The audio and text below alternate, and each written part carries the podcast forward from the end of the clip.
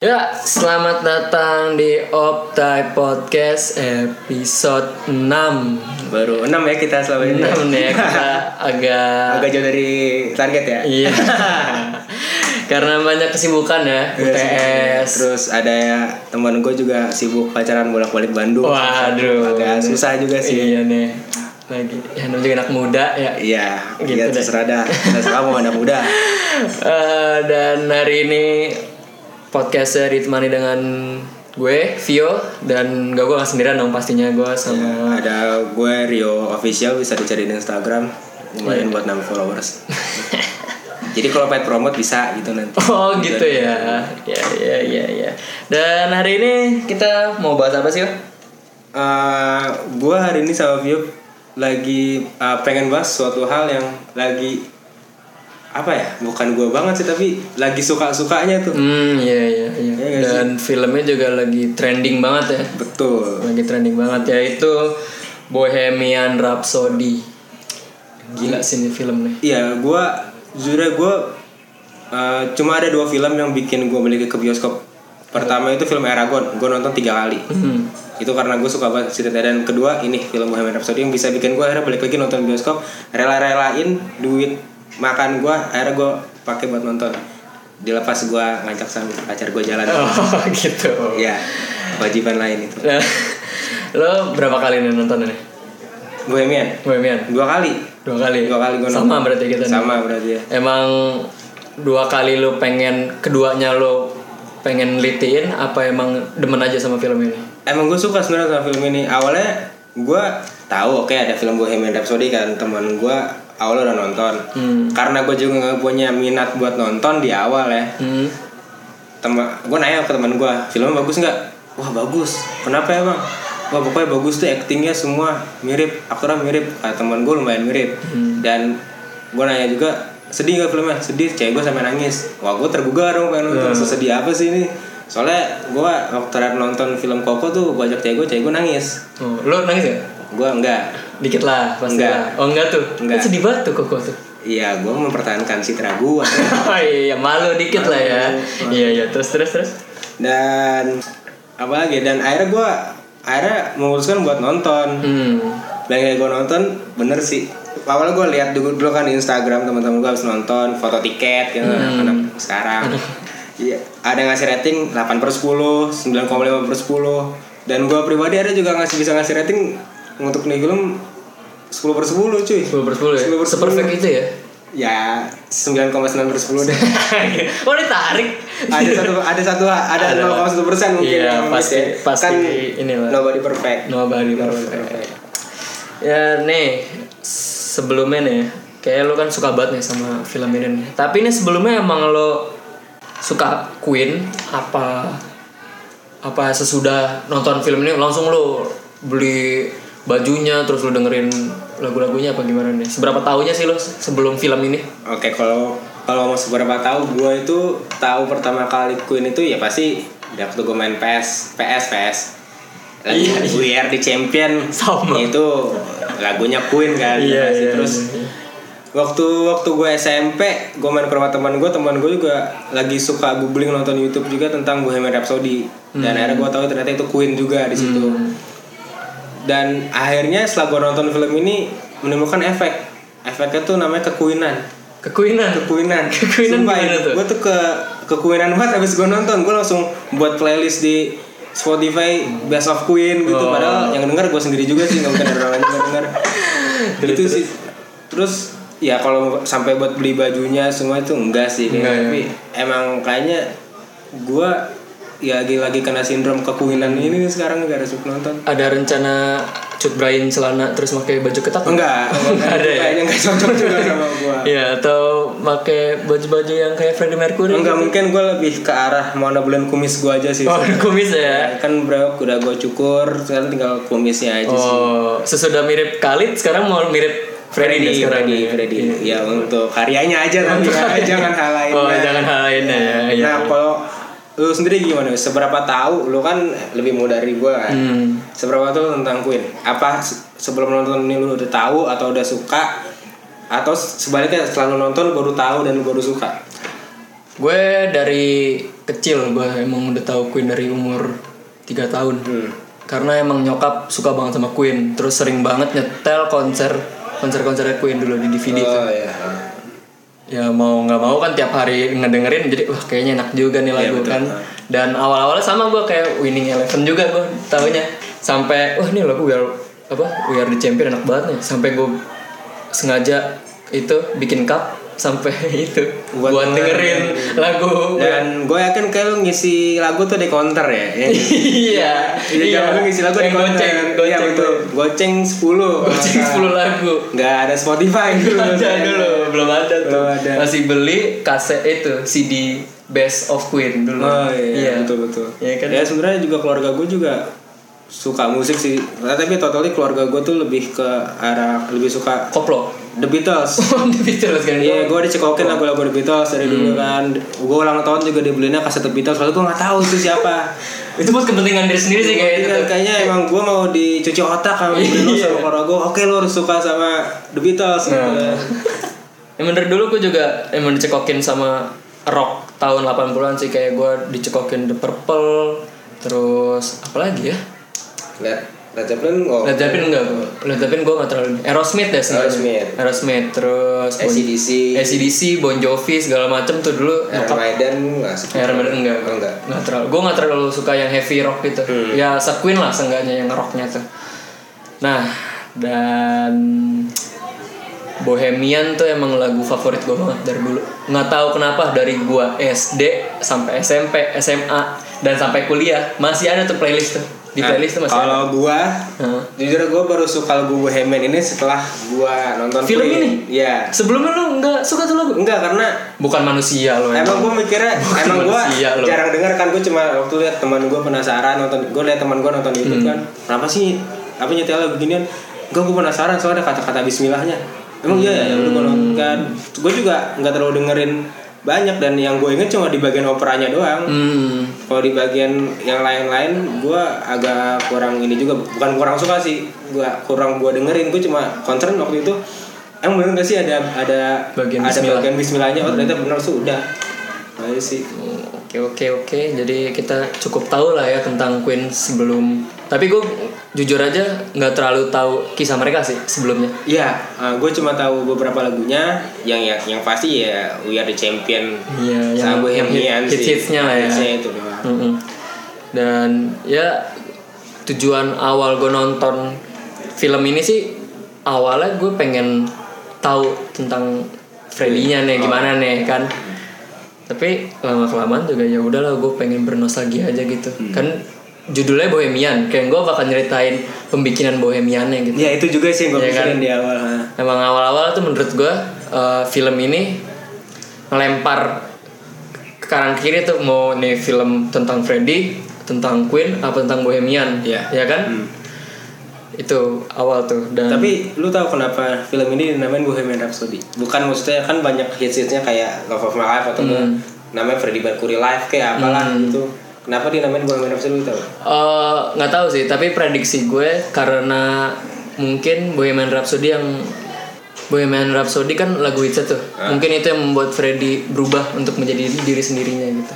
Mungkin kali ya. Dan banyak juga yang bilang Bohemian itu lagu paling jenius yang telah lagu paling jenius yang dia buat bahkan sa- sampai saat ini karena dia empat unsur agama sekaligus di situ. Oh iya ya. Iya, lu tahu apa aja? Pas opera itu ya. Pas opera ada kata Bismillah, Bismillah. terus Beelzebub, Beelzebub itu tuh ada di ya sebenarnya cuma ada dua kata sih tapi di kata Beelzebub ini tuh udah mau yang gua lihat di YouTube dan gua baca itu udah mewakili tiga agama yaitu agama si Freddy namanya apa Zo- Zo- Zoroaster Hmm. eh, terus Kristen sama Yahudi Beelzebub itu artinya tuh di tiga ini tuh artinya tuh setan sebenarnya Hmm. Yang gua yang gua lihat di ini sih ya Di YouTube loh di ya. YouTube yang Itu emang muncul mulu di recommended gua tuh. Eh, Bohemian Rhapsody menceritakan empat agama ini apa sih sebetulnya? Iya, gue akhirnya juga males baca kan. Gue kira gue clickbait doang kan. Taunya emang bener muncul. Emang sebenarnya rada males gue tuh baca-baca kayak gitu soalnya yang gue nontonnya tuh waktu itu tentang interviewnya Freddy kalau nggak salah emang dia suka banget sama eh, yang hal-hal kayak Yunani gitu Yunani kuno. Terus dia juga suka opera kan? Iya, iya, Iya iya kan? Gua pernah. dan dia tapi dia nggak suka baca. Jadi dia kayak tahu inti-intinya doang. Makanya tuh eh, yang gue tahu dia cuman masuk-masukin kata-katanya doang. Betul, betul. Dan Freddie Mercury itu tuh uh, beberapa kali buat lagu dia itu nulis di potongan-potongan kertas. Jadi dia itu nyuruh asistennya tuh selalu nyediain kertas sama pulpen di saat ke mana pun dia pergi. Karena lagu kayak Bohemian Rhapsody dia kayak di film kan waktu dia lagi di pemandangan tiba-tiba dia nulis Oh, iya. terus ntar ada digabung-gabung dan itu proses pembuatan itu lama bahkan dari sebelum band band Queen itu dibuat Oh, iya. udah udah mulai diproduksi itu lagu uh, Bohemian Rhapsody iya tiga genre di, di, di satu Iya satu ya. di tahun 70-an emang gila sih Genius. Genius banget sih.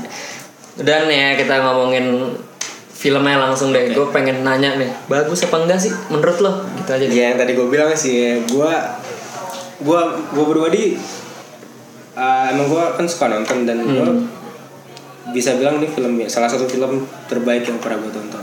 Film terbaik Salah satu film terbaik yang panjang masa tuh. salah satu ya itu kan bukan berarti ini film paling Oh. bagus yang gue tonton tapi ini Tapi salah satu ya. tapi salah satu film terbaik yang pernah gue tonton di bioskop yang gue nggak merasa rugi gue harus ngeluarin uang segitu banyak bagi gue Hmm. untuk nonton dan itu gue harus ngurangin uang jatah jajan gue minggu depan Hmm. udah dong. jatah makan Ya udah, masa masa ngeluarin unak-unak gitu dong. Iya, udah, udah. ya no regret lah, nothing tulus. Nothing tulus lah ya. Nonton karena emang nggak bikin nyesel juga sih gue nonton di film. Mulai dari awal cerita sampai akhir tuh gila sih. Bener-bener bagus sih setnya menurut gue dari segi pemerannya, Hmm. Terus jalan ceritanya sampai di akhir dia konser waktu dia konser live apa Live uh, Aid. live aid itu tuh pecah sih menurut gua dan konser live aid itu ternyata emang beneran ada Emang dan, ada? dan di YouTube tuh wah positioning pian apa pianonya dia terus ada gelas-gelas Pepsi Hmm. Iya sama tuh, gelas-gelasnya gila. itu sama persis Iya, iya. sama persis itu yang bikin gua wah gila ya ini ini niat banget nih film emang harus Hmm. niat sih bikin film nah lu menurut lu gimana nih? Dari pandangan tentang film ini apakah bagus? Apakah menurut lu ah biasa aja eh awal sih pas gue nonton. Yang pas gue nonton itu kan gue pikiran gue pokoknya pokoknya gue nggak mau mikirin apa apa gue pengen nonton bernostalgia aja. Hmm. dan udah lah pokoknya gue mau have fun aja lah nggak mau nge- ngekritik-ngeritik dan itu emang bagus banget. Pas gue nonton tuh gue sempet terharu di beberapa scene gitu kan. Eh, dan pas nyanyi live aid itu pas we are the champion itu gila banget sih itu Yang paling pecah sih. itu gue pengen nangis banget banget endingnya nyanyi eh bukan somebody to love apa? Don't stop me now. Stop- oh, iya. ya kan? Pas credit scene Nah, pas dia nyanyi vokalnya dia doang tuh gila sih. Gue keren tuh endingnya di situ keren. Dan tapi pas kedua kalinya emang banyak bolongnya sih. Menurut gue dengan film yang cukup lama lama kan ya, proses filmnya. gua- iya proses filmnya. Tiga empat tahun kalau nggak salah deh sampai Enggak lebih cuy. Lebih ya? lebih. Sampai- Kalau nggak salah 10 tahun apa? 10 tahun ya? Tuh sampai 10 tahun itu masa bisa sebetulnya bisa ngasih lebih lah sebetulnya. Dari dala- dalam segi cerita atau yang lebih kurangnya sih menurut gue cerita. Gue nggak terlalu emang awal pas gue nonton kayak ya udah nih nonton aja nih oh iya nih alurnya emang alurnya smooth awalnya Hmm. tapi pas nonton kedua kalinya lama-lama tau lah kurangnya di mana Iya. dan awal-awalnya sih menurut gue terlalu buru-buru di awal terus di awal terlalu buru-buru soalnya yang pas pembikinan Queen kayaknya lancar banget gitu Hmm. kayak si vokalis pertamanya yang dari Smile Ya, keluar keluar. terus Freddie masuk di detik itu juga dia masuk terus langsung diterima langsung ngeband di mana-mana sukses bikin album gitu Oh, iya, diterima AM, MI record segala macam kayak terlalu ya kelihatan buru-buru gitu. Dan endingnya juga menurut gue eh, nggak kena gitu. Loh Eh, soalnya dia kan kayak pengen ini banget nih pengen ngasih tau buat Freddy dari terkenal banget terus dia kemakan eh, ininya dia fame nya dia akhirnya dia jadi aneh terus dia ibaratnya taubat gitu.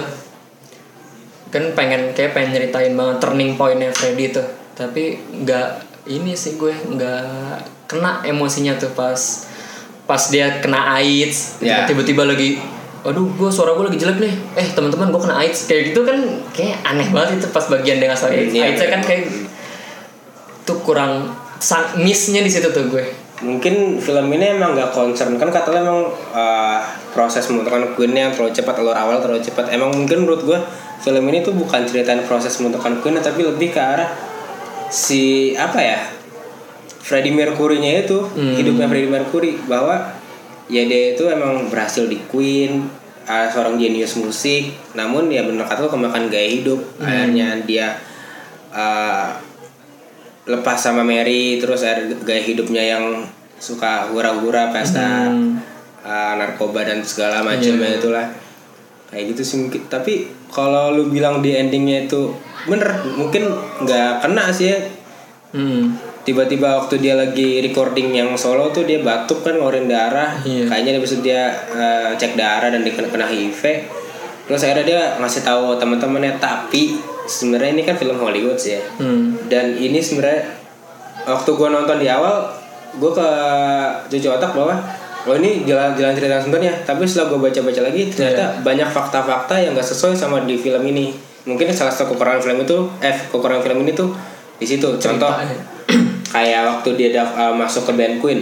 Hmm. Kalau itu kan digambarin dia baru ketemu sama si Brian May sama si Roger ya kan. Hmm. ternyata aslinya mereka udah kenal sebelumnya. Dan bahkan Freddie Mercury juga udah ikut beberapa udah ikut beberapa beberapa band sebelum dia gabung sama Brian May sama Roger. Terus kedua si Paul Pranternya yang dijadiin tokoh paling jahat tokoh Iya. jahatnya. Ternyata uh, ya nggak tahu sih emang dia jahat apa enggak tapi aslinya eh kalau di film dia jahat waktu dia nggak nunjuk uh, apa mak- maksa Freddy uh, keluar dari Queen Hmm. untuk berkarya solo ternyata itu uh, faktanya salah karena aslinya yang ngeluarin album solo pun si Roger Hmm. kedua si Pranter dipecat gara-gara dia nggak ngasih tahu kalau ada konser Live Aid faktanya adalah dia dipecat tahun 86 which is itu setelah konser Live Aid Iya. jalan terus uh, Jim Hutton itu kan digambarin seorang pelayan aslinya dia ketemu di aslinya itu kalau nggak salah dia penata rambut dan akhirnya ketemu lagi di uh, bar gay kayak gitu. Hmm. Jadi emang sebetulnya kayaknya yang gue tahu sih kayaknya ini mereka pengen bikin film dengan melabelkan nama Queen sebetulnya. Bukan menceritakan Queen kayak gimana sih sebetulnya kayak kayak bukan film Queen tapi film Hollywood yang bawa-bawa nama Queen. Iya. kayaknya sih gitu. Dan ini bisa dibilang ini bukan filmnya gue baca juga sih ini ini bukan film tentang Freddie Mercury tapi ini film tentang Rami Malek oh iya sih. Ya karena gimana ya bilang kalau banyak dibilang ini kisahnya nggak 100%, eh, 100% real bahkan banyak yang dibuat-buat. Tapi ini lebih ke film Rami Malek yang dia dia nunjukin gue tuh bisa acting. Hmm. gue bisa ngikutin si gaya dialog cara jalan semua si Freddie Mercury ini. Bahkan tadinya kalau mau lu tahu sebelum eh, sebelum Rami Malek ditunjuk aslinya itu bukan Rami Malek asli? Aslinya tuh yang meranin diktator. Oh iya si iya. Cohen. Iya iya. Gue lupa nama panjangnya. Itu asli dia. Tapi karena berbeda pendapat akhirnya ya udah. Ganti diganti sama Rami Malek. Dan kalau tadi lu bilang ini film jalan ceritanya agak beda-beda apa agak maksudnya nggak sesuai ekspektasi lu karena banyak hal-hal yang dirubah di sini. Mungkin jawabannya ternyata si sutradaranya itu siapa namanya Eh, Brian Sing Brian Singer. Brian Singer itu ternyata gue baca di Tirto ID itu dipecat di tengah-tengah film. Hmm. dan diganti sama Fletcher siap eh, Fletcher kalau salah namanya di situ. Dan mungkin itu yang akhirnya buat film ini nggak sinkron di awal nggak Iya, akhir iya, karena beda ada beda, eh, perbedaan kepala antara dua saudara Iya. itu. Ya kelihatan sih dia dari awal terus di tengah-tengah kayak jadi ganti arah gitu. iya heeh. Soalnya kan uh, apa ya? Gue juga awalnya merasanya emang kayak kayak ada kayak ada debat di antara saudara nih. Soalnya uh, kayak soalnya mereka pengen bikin Freddy kelihatan kuat di awal. Terus tapi di tengah-tengah tiba-tiba Freddy jadi lemah, jadi apa? Jadi kayak jadi nggak konsisten gitu karakternya. iya Iya kan? dan emang waktu itu Brian May di salah satu wawancara juga ngomong di waktu itu kan waktu dia lagi gelar pesta di rumahnya itu pesta rumah barunya Hmm. kan itu kan sempat berantem tuh si Brian May uh, Roger Nah, sama si ini yang bilang Freddy kadang-kadang itu menyebalkan Iya. aslinya si Brian May itu bilang Freddy itu nggak kayak gitu bahkan sampai dia di akhir mungkin ada beberapa perdebatan tapi dia orangnya selalu menyenangkan Iya. Soalnya kalau kalau Brian May yang gue tahu dia emang orangnya gentle banget. iya Emang sebetulnya bukan orang yang apa ya? Kalau berbeda pikiran langsung ngelawan aja bawaan enggak gitu. Emang sebetulnya yang uh, troublemaker itu Freddy. Iya. Emang kan. Emang di situ emang diceritain. emang dia pentolan Queennya ditunjukin banget bahwa Iya. emang gua ini Queen itu adalah gua Iya. Tapi menurut lo acting Rami Malik nih bagus banget gak sih? Soalnya kan dia, lo nonton di Mr. Robot gak sih?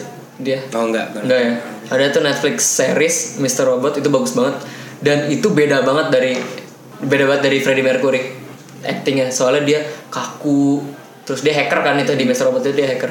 Kaku nggak bisa bersosialisasi, tapi tiba-tiba gue tahu dia jadi Freddie Mercury itu agak gila sih. Soalnya beda banget. Dia selama acting itu yang paling gede adalah Mr. Robot gitu. Tiba-tiba dia meranin seorang Freddie Mercury yang flamboyan orangnya kan Ah. terus dia heboh apa segala macem tuh gue awal-awal tuh emang agak-agak ah gimana nih ya Rami Malik kayak agak kurang yakin gitu agak sih kurang yakin tapi pas gue nonton gila sih emang emang berhak dapat award sih itu Iya. Rami Malik Bahkan sebelum film ini dirilis nih, gue baca juga banyak kritikus yang ngasih nilai itu 6 per 10. Tapi setelah film ini ditayangin, banyak rating yang cukup tinggi kan. Dan itu bisa ngebungkam para kritikus. Dan kritikus ini justru bilang salah satu hal yang uh, apa ya yang membuat dia ingin nonton si uh, Bohemian ini karena aktingnya Sering Malek ini. Hmm, karena dia bilang aktingnya tuh bagus banget. Bisa semirip itu sama Freddy mungkin kalau dikaitin sama aktor lokal sih ya, kayak mungkin kayak keberhasilan si Reza Rahardian itu waktu meranin sosok Habibie iya itu emang gila sih itu. Gila tapi di sisi lain dia juga bisa meranin si sosok fiktif My Stupid Boss Nonton iya nggak filmnya? gue Mas David Bos nggak nonton Nggak nonton tapi itu si Reza bisa sekonyol-konyolnya konyol deh anjir Hmm. meranin si My Stupid Boss-nya itu. Dan di film uh, Habibi dia bisa jadi sosok yang uh, intelek hmm. uh, terus uh, keren dari mungkin dari cara jalan bahkan cara ngomong itu mirip banget. Tapi kalau ngomongin Reza Ardian awal-awal sih emang dia bagus ya pas meranin apa Habibie.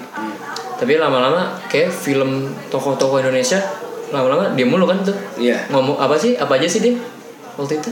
Selain Habibie tuh. Banyak uh, Habibi terus ada uh, My Stupid Boss juga. Mas Stupid Boss. Enggak yang yang meranin tokoh penting Indonesia.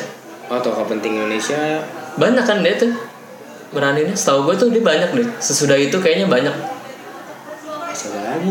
banyak kalau nggak salah dia pokoknya beberapa kali dia jadi ini Oh Benyamin. Benyamin Iya, gitu iya, kan. Benyamin, Benyamin Benyamin. segala macam tuh dan ada lagi gue soalnya pas nonton segala eh, nonton film apa aja pas trailer tentang tokoh-tokoh pasti si Reza. Ardian nih nih ada apa sih sebenarnya sama Reza Ardian Emang dia itu mungkin salah satu aktor yang bisa apa ya bisa nyetel buat acting kayak gimana aja. Hmm. serius kayak Habibie terus konyol kayak si Mas Bos. Terus bisa juga uh, legend uh, Benyamin. Benyamin tuh bisa disamain juga actingnya sama dia. Berarti emang keren. Gue takutnya kalau mereka mau bikin film Nikardila Reza Ardian juga takutnya takut. serem juga. Wah Nikardila berotot gini kan iya, terus brewokan Brewokan gitu kan. aduh. Takutnya gitu. Tapi jangan sampai juga jangan sih sampai lah ya. semoga lebih ini lagi lah. Iya, kita jadi melenceng jauh. Melenceng ya? Melenceng ya. melenceng jauh udah udah deh nih udah tadi cerita soal acting juga. Gue mau ngomongin yang paling menonjol itu. Eh jangan deh yang menonjol nanti aja deh. Gue mau ngomongin suara dulu deh. Gimana? Iya. audionya menurut lo nih. Wah. Soalnya kita nge-reviewnya dari sisi cerita audio sama visual nih ya. Oke. Kita suara nih. Suara nih, menurut lo nih. Suara. Ya buat masalah suara si Rami Malek waktu dia menyanyi di Freddy gue tuh sempet ragu. Ini suara recordnya Freddy apa emang suara si Rami Malek ketika pas nyanyi ya? Khususnya pas nyanyi. Hmm. Dan ke- ternyata Hmm. itu gabungan dari suara Mark Martel ada Mark penyanyi Martel sama si Rami Malek. Rami Malek. dan emang gua tahu sih sebelum ini film dibuat Rami Malek itu diwajibkan buat kursus vokal intens. Iya. Seenggaknya biar bisa nyanyi karena dia peranin seorang penyanyi. Iya. Tuh. Jadi menurut lo dari segi suaranya pas nyanyi itu gila banget ya? Gila sih sumpah. Wah, gue dengar lagu Bohemian setelah gue nonton. Pas gue nonton film itu lagi gila sih. Gila ya. Mirip nggak parah. Emang keren sih mereka secara detail tuh sampai suara.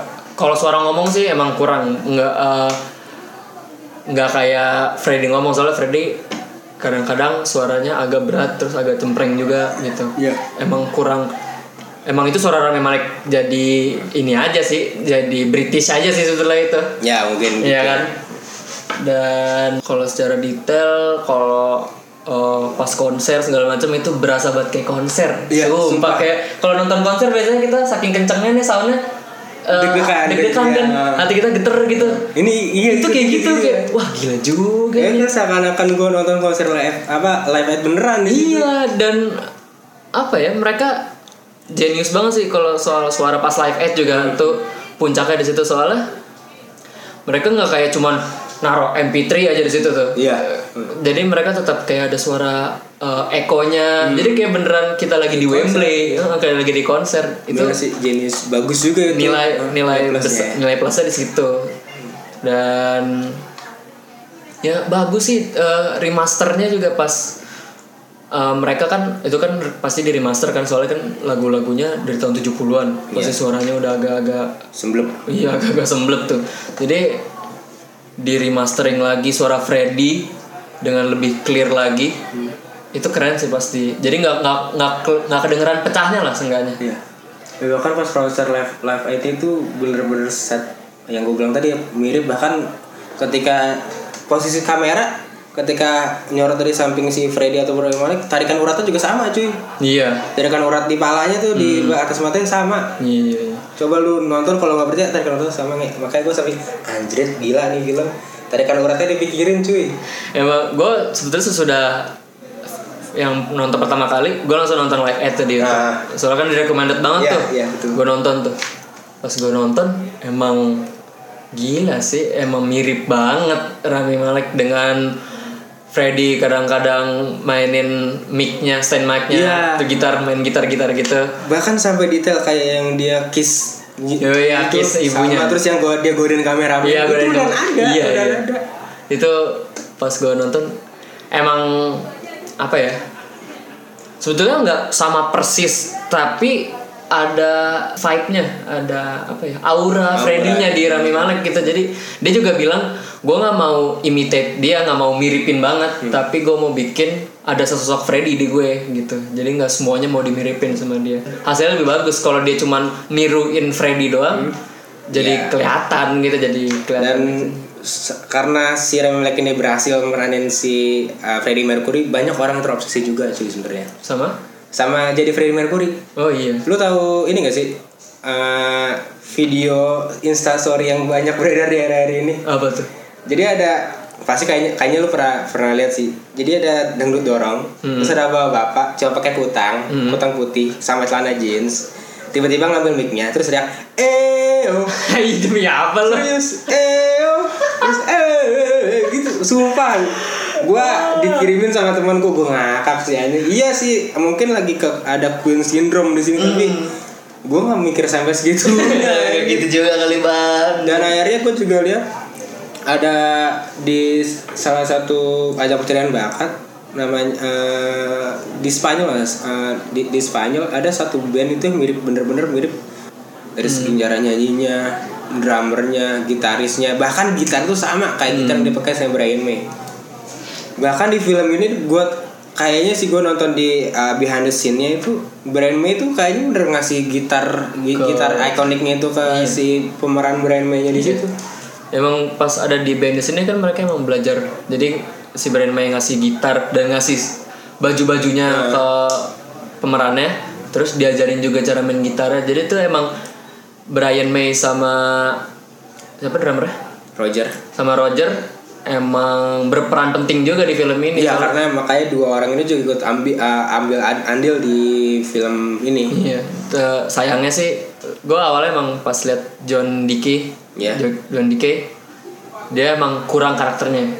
Ter- Karena bukan kurang diekspos juga kayak di Iya, dan emang dia sesudah katanya sesudah Freddy meninggal emang yang yang berefek banget tuh, yang berefek berdampak berdampak banget tuh di kehidupannya John Dickey sampai dia pas apa Freddy meninggal dia langsung pensiun dari dari musik. Karena udah gak ada si Freddy-nya itu. sampai iya jadi segitunya. kayaknya dia emang sayangnya sayang banget sama Freddy soalnya ditunjukin juga pas ngasih tahu AIDS pas di film pas ngasih tahu AIDS yang nangis beneran kejer John Si John doang kan. Dickey. iya. Jadi sayang banget John Dickey nggak ikut berpartisipasi film ini Oh iya sih. ya kan Bahkan di beberapa konser buat tribute-nya kan em, berapa kali diganti sama Adam Lambert kan Iya. kalau ada konser. Basisnya juga bukan emang bukan John Dickey John Dickey itu masih ada apa sih? John Dickey masih ada. Masih ada. Sampai dia waktu itu pas mau bikin film ini, emang mereka pada izin dulu kan, kan mau dibikin karakternya. Dan dia katanya kalau lo mau ikut nggak, mau ikut ngeproduksi film ini nggak? Dia bilang udah lo aja gitu. Gue udah kelar masanya gitu. Emang dia paling udah paling nggak mau ikutan lagi kayak gini, yang kayak gitu-gitu, yang berhubungan sama Queen. Ya mungkin dia udah capek juga ya. Iya. Nah, waktu gue nonton Roger main drum tuh sama Brian May sama Adam Lambert, gue ngeliat yang juga udah capek. Iya kasihan nonton yang di itu deh. Ngos-ngosan. yang di Inggris tuh mereka Olimpiade. iya. Itu yang sama Jessie J. sama Jessie J itu ya Allah udah tuir kan bawaannya ngilu aja waktu waktu dia konser di bar tuh di filmnya Hmm. si Brian May bilang kan salah satu apa aktor terpentingnya itu apa eh, anggota band terpenting Roger karena waktu dia Roger. paling ganteng Paling kan. ganteng. Sekarang ya mungkin bukan masa ya dia udah lagi. bukan masanya lagi tapi tetap keren sih Tetap keren. tetap papa-papa keren tuh dia Dan kakek-kakek keren. kakek oh iya udah bukan papa-papa Bukan. lagi Itu kakek kalau kakek gue kayak gitu keren juga kayaknya. iya rock and roll Rock and roll. dan tadi udah ngomongin suara udah ngomongin suara udah ngomongin cerita saatnya visual Visual. Oke. visual nih ini kayaknya kita bakal ini banget nih kayaknya bakal banyak banget pujian ya kayaknya ya Iya. soalnya salah satu tonjolan di film ini adalah visual ya Visual keren banget. dari cara pengambilan Walaupun dia pakai CGI ya, CGI, eh, CGI eh kok CGI sih? ke CGI eh CGI CGI ya, CGI. bukan CGI. CGF Iya bukan. Bukan. bukan CGV juga. bukan CGV Jadi, bukan CGI, eh CGV ntar bisa bayar nggak nih?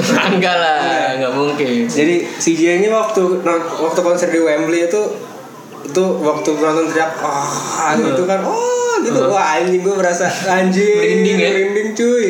Emang emang kalau Amerika soal bohong-bohongan emang paling pinter dia tuh emang paling pinter nih Pinter. bagus bagus. Kalau CGI itu emang kelihatan sih CGI-nya gitu ah ya green screen gitu tapi tapi masih bisa bawa aura kalau seakan-akan kita ada di sana Nah, ada di sana. Betul. Dan eh, masalah CGI gue tuh awalnya lihat saking miripnya Brian May itu ya, Hmm, ke gitarisnya. Gue kira awalnya tuh ah ini mah CGI nih Brian May kayaknya mirip banget gitu. iya saking mirip mirip Iya kan? banget mirip banget sumpah Soalnya emang gue terakhir lihat itu Brian May lagi di MTV kalau nggak salah. Sebelum gue nonton itu, pas gue nonton lah ini mirip banget Mirip, gitu. iya, makanya CGI. salah satu aktor yang paling mirip sama pemeran as, sama aslinya tuh si Iya. yang meranin Brian May tapi sayangnya gue lupa namanya Iya gue juga dan John Dickey juga mirip banget dia juga Tapi kalau lihat dari segi gaya-gayanya kayak juga gaya John Dickey yang yang paling normal ya dibanding eh, sama iya dia yang paling katanya sih yang paling pendiam tuh John pendiam, Dickey iya. basis yang biasanya basis di mana-mana gak tengil iya kan yang paling tengil biasanya gitaris nyanyi Iya sih. iya kan Karena dia yang paling nonjol di satu band ya. Iya, sebenarnya perfect juga sih, eh, bukan perfect, tapi maksudnya eh, bagus juga mereka di film ini. Misalkan Freddy nih yang paling terkenal, ceritanya Freddy. Brian May yang terkenal kedua, eh, Brian May masih ada lah karakternya diceritain dikit. Terus Roger, jadi sesuai kayak sesuai populernya mereka gitu. John Dickey emang nggak pernah emang pendiam nggak pernah cerita segala macem emang di situ nggak dijelasin karakter Iya sih. Cocok tuh itu tuh dan visual nih visual menurut lo Iya, selain live aid tuh visual. pengambilan gambar lo kan editor nih katanya nih. Ah, enggak, enggak juga sih. editor terkenal katanya udah minta minta duit ya sekarang ya kalau ngedit ngeditin ya Iya masa-masanya kalau kita ke rumah kan butuh bensin. oh gitu ya udah kenal duit ya Enggak sih, yang penting ada uang bensinnya aja gitu, maksudnya. gitu ternyata ya Eh, yang dengar kalau untuk teman terdekat silakan. Sila- silakan dibayar Ustaz kalau oh gitu Iya. udah monetize nih ya Enggak monetize sih ya monetize ya Tapi gimana ya? Butuh duit. butuh duit ya Iya, emang cicilan kalau HP Iya. kan. Aduh. emang eh, karya itu kan memang harus Iya. dibayar sebetulnya kita kan susah payah Hmm. emang Soalnya ketika gue sih pengen nggak nggak masalah di kalau di bar tapi berhubung gue nyicil HP gitu kan. Oh. Kalau HP cicilan tuh beda. Ketika gue udah pengen pengen ya udah masih dibayar, tapi ketika ada telepon masuk atau alarm tuh bunyinya tuh beda. Kalau biasa kan kering gitu. Hmm. Ini enggak tagihan tagihan. dingin tuh ya, Kalau langsung. nggak mau kan. Iya. Ya udah. Silakan komentar. ya tapi buat ngomongin masalah Iya, iya. video apa pengem- eh, teknik pengambilan gambarnya banyak uh, teknik pengambilan gambar yang gue suka contoh waktu di awal-awal ya Hmm. waktu uh, kameramennya itu nge- ngetik dari kacamata Freddy waktu dia lagi duduk di ruang dokter ya Iya. kan? Terus waktu dia lagi di mobil nge-shoot kacamatanya. Oh iya. Itu part yang paling gue suka sebenarnya. Itu editan gak sih? Kayak gue awalnya kayak kayak editan deh tapi beneran kayaknya. Ya. Tapi beneran sih itu kan gunain kamera yang bagus ya jadi resolusi resolusi sama nggak apa gambar di kacamata itu bener-bener bagus. Hmm. ya nggak kayak kamera gua sih. Kamera Xiaomi. Iya kamera kamera Xiaomi nggak jelas warnanya. Beda, iya, beda. iya. Dari ini yang hitam jadi hijau kadang-kadang yang ini biru. nolnya di belakang banyak ini kan nolnya belakangnya cuma dikit. Iya dimaklumin lah. Ya ya jadi bagus lah ya. Bagus, eh, lo nonton di mana sih? Di pesona lo ya waktu itu ya? gua nonton dua kali di Pesona sama di CGV pesona gila tuh ya di pesona menurut lo layar gede banget cuy iya gak sih? Enggak tapi gini kalau gue pribadi ya gue ketika gue nonton di CGV sama di Pesona gue lebih enak nonton lebih enak nonton di uh, CGV CGV lo Depok ya? Depok. Kenapa tuh? Jujur aja. Kalau kalau di XX1 ya gue ngomong nggak nggak cuma ngomong di di Pesona kalau di XX1 bangku semua uh, tatanannya lurus rapi gitu kan. Iya. nah kalau di CGV kalau yang di ujung tuh seatnya kan dua-dua kan. Hmm. terus agak ngenyarong gitu ke arah layar. Jadi gue nonton nggak harus ngikut apa badan gue nggak nggak harus miring. Oh jadi lo ngincer pojok ya itu ya? Uh, ke- kebetulan apa tadi pernah dapetnya pojok ya? Itu gue nonton sama teman gue itu cowok semua. Oh, Kebetulan. cowok semua. jadi Oh. ya gue nggak bisa ngapa-ngapain juga kan. Bisa. Nggak ada yang nggak ada yang. dan itu emang dapat seat yang dua-dua ya. Gue nonton atas bawah akhirnya. Sama cowok tuh ya? Sama cowok. Sama cowok. teman gue jadi buat teman-teman gue yang dengar nggak inilah lu pegang kan pahanya kan? Apa nggak lu pegang kan? Enggak nggak. Garuk doang garuk. Gue cuma nanya lu nangis? Kalau gue nangis kan gue gampar gitu. Oh maluin. kira mau dipeluk gitu. Iya, enggak. Tapi lu nonton? Kecup lah paling aduh seorang Mas Rio ngecup cowok tuh gimana kan ya gak ada yang tahu gue rupanya Oh nggak ada ya. Bisa dilihat di Rio official lah ya, di Instagram. skor ada ada skor ada juga Oh ada ada sekarang. Lo nonton sama cowok dan itu kebetulan ceritanya Iya ini gua ini gua punya cerita lucu sih untuk masalah ini. cerita seorang Freddy homoseksual tuh gimana sih lo? Iya jadi gua nonton di the mall kan sama temen gua. Gua datangnya juga sore. Emang gua ngincernya nonton agak malam kan. Hmm. Gua datang parkiran Depok Mall tuh penuh. Hmm. Gua lurus masuk parkir di apartemen. Udah gua nonton, saat udah selesai nonton, gua inget, oh gua taruh di apartemen. Jadi eh, sekarang punya kayak skywalk gitu buat yang ngubungin si eh, Apartemen sama apartemen sa- sama Oh, Depok iya. Ada ada ada jadi makanya kenapa gue memilih parkir di apartemen itu karena dekat karena juga langsung nyampe di lantai dua kalau nggak salah ya udah pas balik gue cowok semua dong berempat. Teman gue yang dua parkir di bawah. Oh di bawah tuh aman lah ya mereka. gue gua sama teman gue nih parkir di apartemen. Saat jalan berdua masuk apartemen. Teman gue nyeletuk. Mal kita abis nonton apa? Gue main Rhapsody. Kita nonton Freddy kan? Iya Freddy kayak gimana? Ya homo gue bilang kan. Hmm. gue ngeri mal. Ada yang ngikutin kita terus nulis berita dua orang pemuda masuk apartemen setelah nonton. kan tai ya masih bener habis nonton tuh jalan namanya berduaan gitu kan masuk lorong skywalk gitu kan Aduh. masuk ke ke daerah apartemen gue ngeri orang berpikir negatif kan tentang gue kan berdua teman gue posisi juga kecil gitu kan orang Mana lu laki banget ya mukanya. Gua, ini tangan gue bentol Aduh. Jangan gue gak tau digigit nyamuk apa sih yang terus tangan tangan gue ada bentolnya di sini nih. Serius? Keras Oh, udah hilang gitu. oh, iya. Mungkin teman-teman gak bisa lihat tapi bisa dilihat di akun Instagram gue akun tangan gue bentol-bentol. Di Rio official. Di Rio official Underscore. Promosi ya ini. Promosi. Jadinya ya. Teknik marketing. Jadi lu merasa merasa homo sudah. Enggak. Oh, enggak gitu ya. Enggak, enggak, Oh, kalau Gue masih normal, Bella, aku masih normal kok. Oh iya. gue pas nonton juga Nonton sendiri, nonton sendiri gue. nggak usah ini. eh enggak, gue awal nonton sama nyokap. Oh nyokap. Nonton sama nyokap, ya nggak apa-apa lah. Itu masih normal lah ya, Ya, nyokap normal. dan anak ya, dan quality time sama quality time sama ibu, ya. ibu lah nonton seorang Freddie Mercury dan dia suka banget kan sama Freddie Hmm. Mercury. Dan yang kedua, gue nonton sendiri. Itu mulai ada kejadian-kejadian aneh di situ. Iya, soalnya gue ketemu sama lu. Iya, Kedua. kita ketemu tuh. Iya, iya, Terus ada teman lo juga. Apa itu teman lo yang merasa homo itu? Oh bukan, Oh, bukan, ya? bukan. Bukan ya? Dan Gue lu kurang ajarnya itu sebenarnya anak kisip juga, tapi kenapa gak lu sapa? gue nggak tahu masalah gini gue nggak kenal tapi posisinya lo kenal nih dia duduk sebelah gue terus ah lo nggak kenal Gue berdua malah ngiranya lu nonton sama teman gue itu. dia nonton nggak sih sebetulnya Nonton sama ceweknya. oh sama Makanya gue ceweknya kira, ya? ini orang? Lu kenal berdua? Dalam hati gue gitu gue mikir. Tapi kok gak sama-sama, apa malu gitu kan takut dikira. Ya, gue gak Iya, tahu juga sih. uh. Oh, ternyata enggak, ternyata lu gak kenal ya. nggak kenal sama sekali dan jadi awkward gue pas lo udah kelar tuh ini gimana ya dia nanya lagi lo anak isip Nah Ah, itu itu sumpah gue ngomong sama cewek gue gue bilang percaya nih sama aku abis ini pasti kata-kata yang pertama ngumpul lah kisah juga ya bener kan iya maksud gue anak isip aduh bang kenapa harus ngomongin sih udah harusnya lu kita pernah kenal lagi gitu wah nggak boleh gitu dong masalahnya jadi awkward itu keluar masuk satu gerbang Oh iya sih. lo harus Tapi tahu, jadi nah. orang gue kan orangnya bukan bukan yang bers- gampang bersosial ya orangnya. Iya. ya. Jadi pas dia nanya, "Lo orang isip?" Dia nanya kan tuh. Iya mas, anak isip. Oh. Jadi Oh. hening, jadi just- hening gitu. just oh. Just oh, aduh, gimana ya? Terus gue ngerasa. kalau ada berarti jadi nggak jadi oh jadi oh ah. Aduh, eh, jadi Beda. jadi beda kalau Freddy dan sudah itu, aduh, gue jadi awkward kan. Pas banget sinyal gue nggak ada. Gue lagi chatan sama cewek gue. Akhirnya, Mas duluan ya. Oh iya. gue keluar dulu bentar. Padahal dikit lagi itu gue main. Ya oke cukup curhatan berdua ya.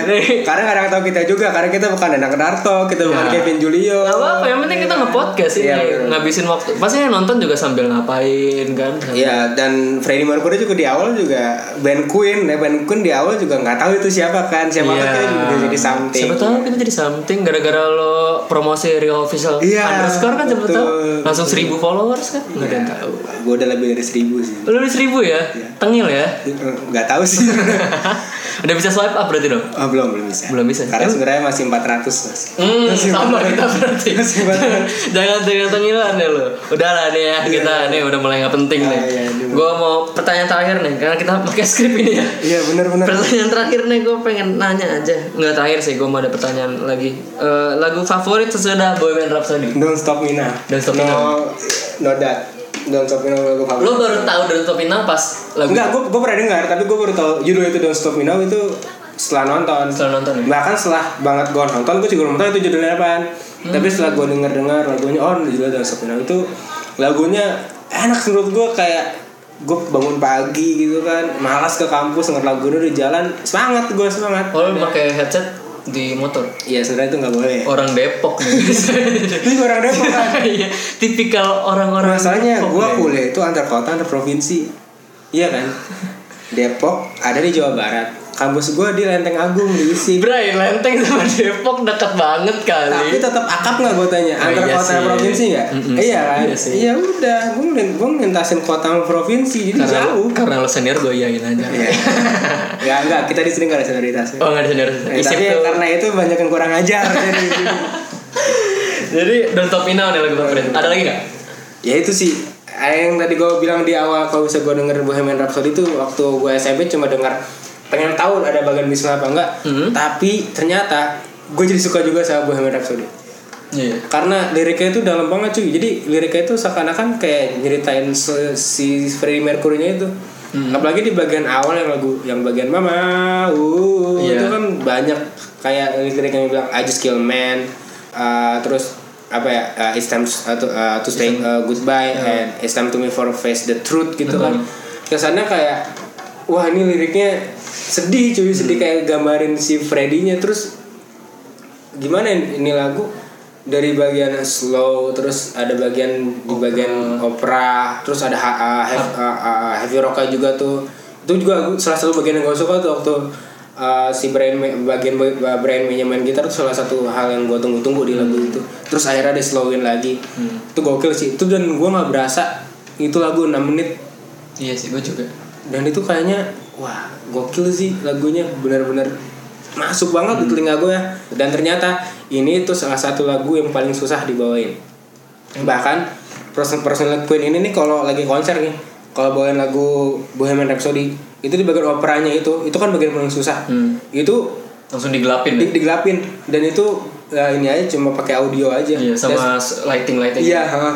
itu setiap konser lu perhatiin pasti selalu kejadian kayak gitu. Bahkan di live aid cuma di bagian awalnya doang kan. iya Emang itu lagu yang paling susah bahkan waktu tag suara yang Galileo-nya itu itu itu bagian itu berkali-kali kan Iya. sampai siapa sih Galileo Iya. terus kalau gue lebih tinggi lagi kenapa cuma anjing gitu kan Iya. suaranya udah, udah gila tinggi banget cuy iya emang si Roger itu terkenal banget sama suaranya yang tinggi banget oh gitu Padahal dia drummer kan? Iya, drummer Tapi tapi suaranya tinggi. Suaranya tinggi banget. Yang terkenalnya gitu dia. Emang gue juga pas sesudah eh, nonton makin didengerin Bohemian tuh. Dan kalau gue kalau di motor kan suka nyanyi tuh tiba-tiba kan kalau lagi gabut. Oh, pakai headset juga ya? Enggak.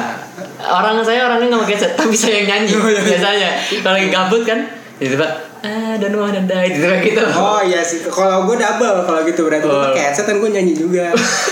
kalau lagi gabut di jalan. Iya, gue pas itu pasti Bohemian. Bohemian. Padahal sebelum ini tuh dominasi playlist gue tuh lebih ke lagu-lagunya Malik. Sama enggak Malik. Oh enggak, Malik. kayak gue Asian Game dulu. Malik terus ada lagu-lagu dari Simple Plan gue emang suka sama Hmm. lagu-lagu Simple Plan kan jadi dominasi sama lagu-lagu itu aja dan akhirnya sekarang itu playlist gue tinggalin gue lebih nyetel lagu playlist Best of Queen versi gue Lu bikin tuh ya? bikin Nama Spotify apa? Mau di itu juga?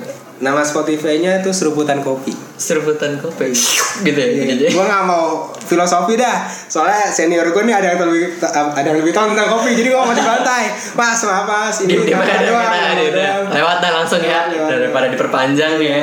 Emang eh, menurut gue pas gue nonton Bohemian tuh langsung makin liriknya tuh bener makin mendalam banget. Ah. Emang dari awal gue bagian yang I don't wanna die and sometimes I just wish I didn't born at all gitu. Bin Borneo iya Iya kan? Itu ngena banget sih. Emang kalau lagi uh, di waktu-waktu galau itu ngena banget sih. Hmm. Iya. Dan sesudah gue itu kan pasti gue sesudah nonton gue pasti langsung nyari ceritanya, Hmm. uh, teori-teorinya dan yang paling ngena, yang paling teori yang paling make sense adalah kata Jim Hutton ya katanya ini. Ya. Kata Jim Hutton ini menceritakan tentang kalau Freddy itu uh, dengan bangganya dia uh, mengakui dia gay. Hmm. Soalnya pas, pas Mama just kill man, Mama just kill the man. Hmm. Maksudnya itu man-nya itu adalah seorang Freddy yang straight yang masih normal. Hmm. Dibunuh dan gue pengen jadi Freddy yang gay. Oh, iya. Dan bagian operanya bener dia um, kan udah nih dia udah uh, bunuh Freddy yang normal. Sekarang dia melewati sisi agamanya, kompleks dari agamanya. Makanya Bismillah segala macem itu diomongin kan. Pas bagian rocknya itu dia udah mulai free, udah bangga gue itu gay. Nah, iya iya. Ada beberapa liriknya sih tapi gue gak terlalu ingat sama liriknya tuh. Uh, so you think you can stop me? Ah, iya. my- ya, itu. Iya. Itu pokoknya um, ceritakan kalau dia udah free. Itu yang menurut gue makin apa ya? Makin precious tuh lagu itu menurut gue. Jadi menceritakan gue sih nggak ngambil uh, pas dia gaynya, tapi gue mengambil seorang dia dengan uh, secara bangga menjadi diri sendiri. Iya Iya iya sisi positifnya Sisi positifnya sih itu, gue ngambilnya dari situ. Tapi walaupun mungkin agak menyimpang sih ya. Agak menyimpang, tapi kalau Bukan agak sih menyimpang sih sebenarnya. menurut gue sih enggak soalnya apa ya gue bukan bukan support juga Hmm. tapi lebih menghargai mereka yang yang beda dengan kita Ya, jadi gue sebenarnya gak mau banyak komen sih iya ini. sih tapi maksudnya gue uh, kebetulan gue orangnya bukan yang sensitif banget soal kayak gitu Hmm. jadi seorang Freddy emang dari dulu tuh adalah idola gue idolanya karena dia dengan bangganya dia menjadi diri sendiri dia nggak pernah jadi orang lain dia tetap jadi Freddy yang keren gitu dan Tapi seakan-akan kalau di film ini tuh jadi kayak makna tersirat untuk perpisahan dari Freddie Mercury kepada penonton ya. Kalau di film, Mm-mm. oh iya pas main di Live Aid ya iya soalnya yang paling ngena tuh kata yang kata-kata it's time to say good, uh, goodbye and uh, it's time for me to face uh, The fa- truth. face the truth gitu kan kayak Ida ini kayaknya konser besar terakhir gua Mm. terus uh, waktunya gue untuk pamit sama Iya. lu semua karena gue harus apa ngadepin suatu kebenaran ya itu gue terkena udah terkena kena AIDS gitu Ka- ka- uh, tersiratnya seperti itu di, di film Iya. menurut dia kayak gitu. Iya sih dan eh, emang Rami Malik bilang emang cerita di film ini bukan eh, Freddie Mercury yang kena AIDS yang apa yang pokoknya bukan menceritakan sebenarnya.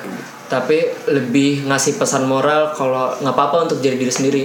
Dan di Amerika kan menjadi diri sendiri itu yang paling terkenal banget pasti topiknya adalah gay.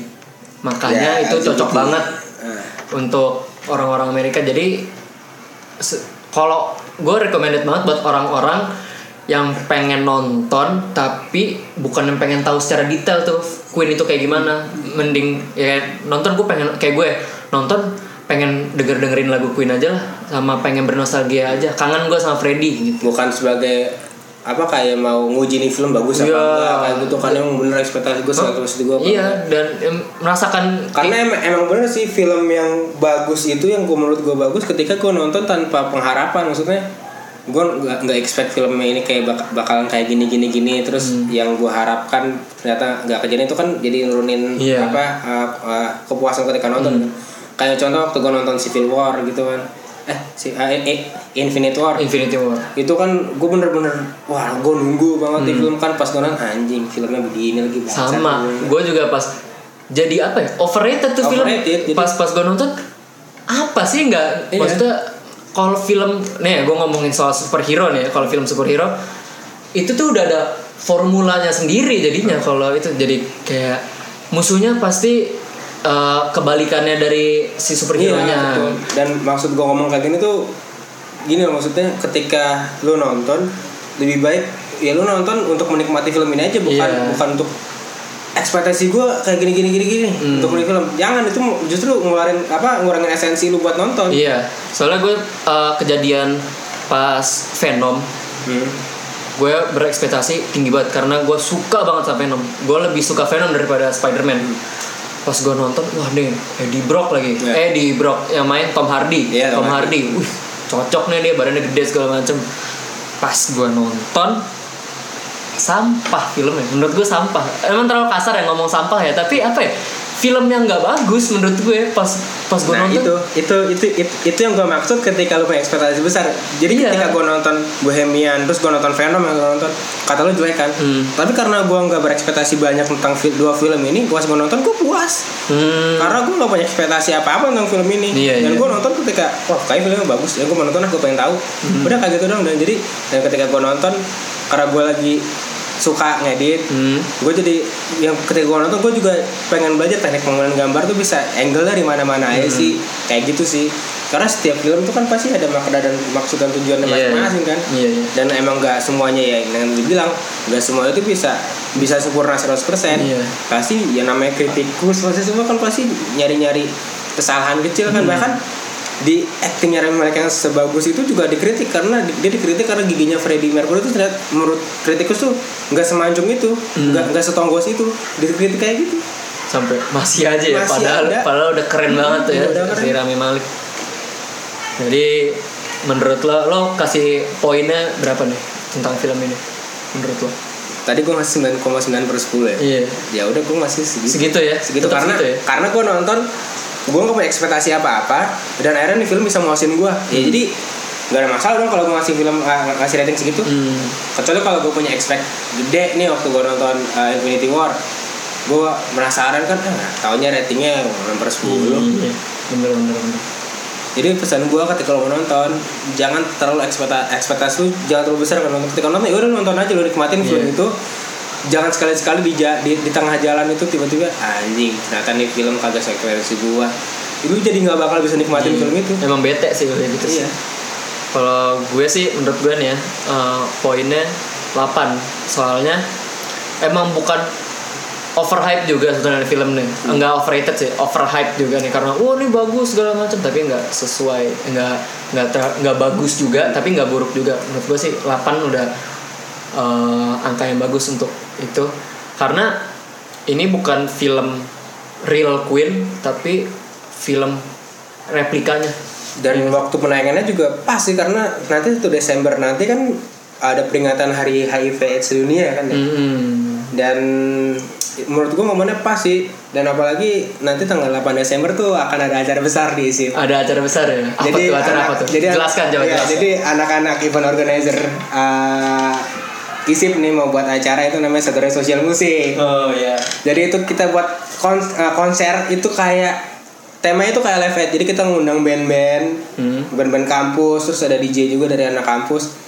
Dan gestar itu udah Enan Resa jadi kita bakal galang dana di situ untuk nantinya juga ada LSM yang datang untuk ngasih pemaparan untuk dia berkampanye bahwa jauhi AIDS jauhi HIV tapi jangan jauhi orangnya karena mereka tuh masih butuh kita. Betul. dan nanti da- da- da- dana-dana yang disumbangkan itu 100% buat mereka. Dana-dana yang terkumpul 100% untuk mereka.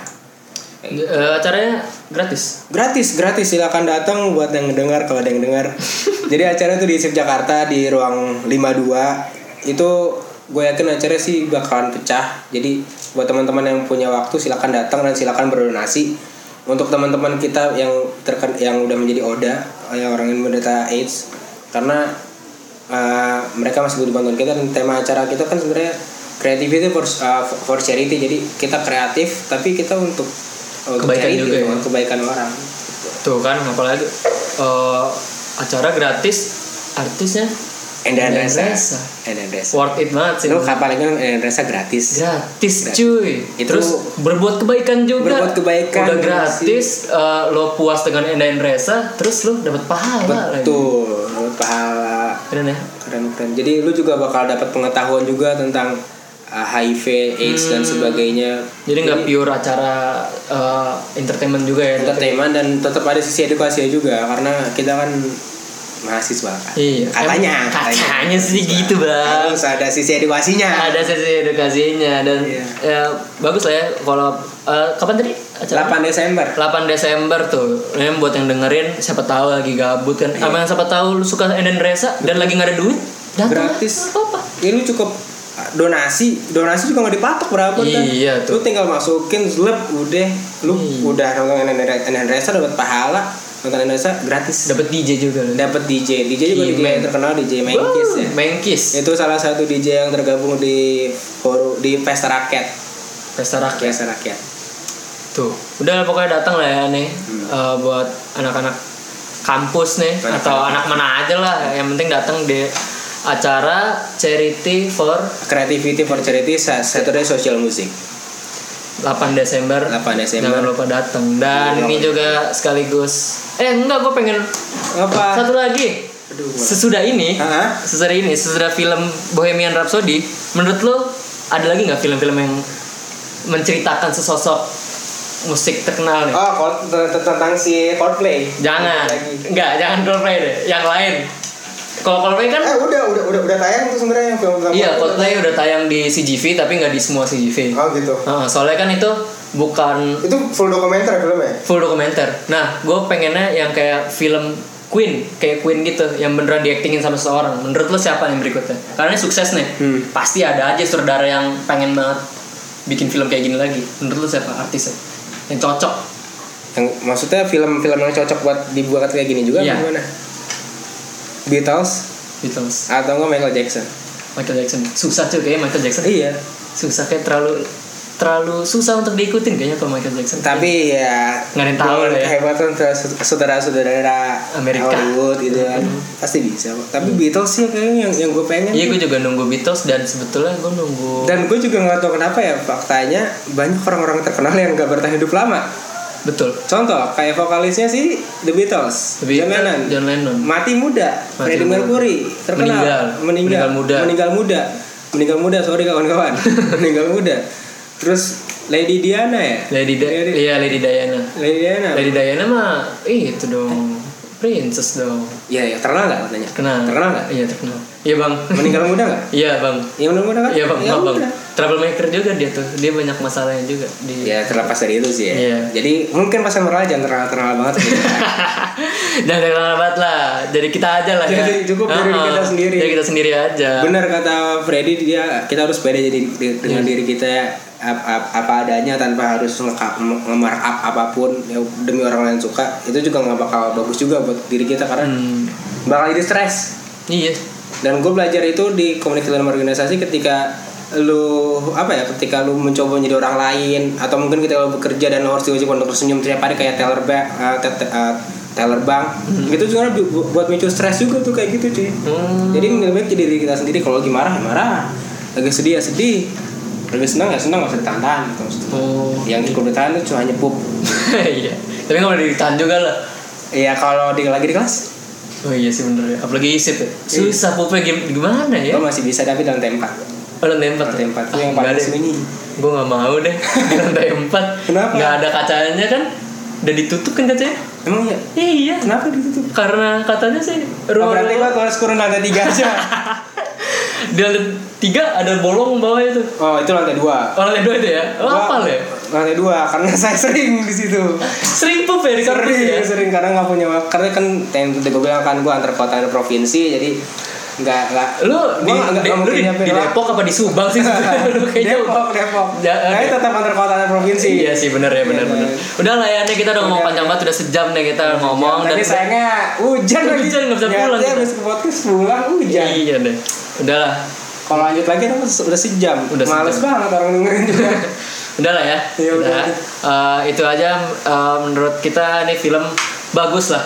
bagus bagus Bagus. Ya, Oh. itu yang bisa film menurut gue yang bagus tuh ketika ini sih orang abis nonton tuh bisa nimbulin kayak Enjoy sindrom aja. kayak sindrom Iya, kayak sindrom, iya. ketika lo nonton Spiderman lo pengen jadi kayak Spiderman gitu Oh, iya. kan ketika lo nonton jadi uh, boh uh, uh, Bohemian. Rhapsody lu jadi suka sama Queen Oh.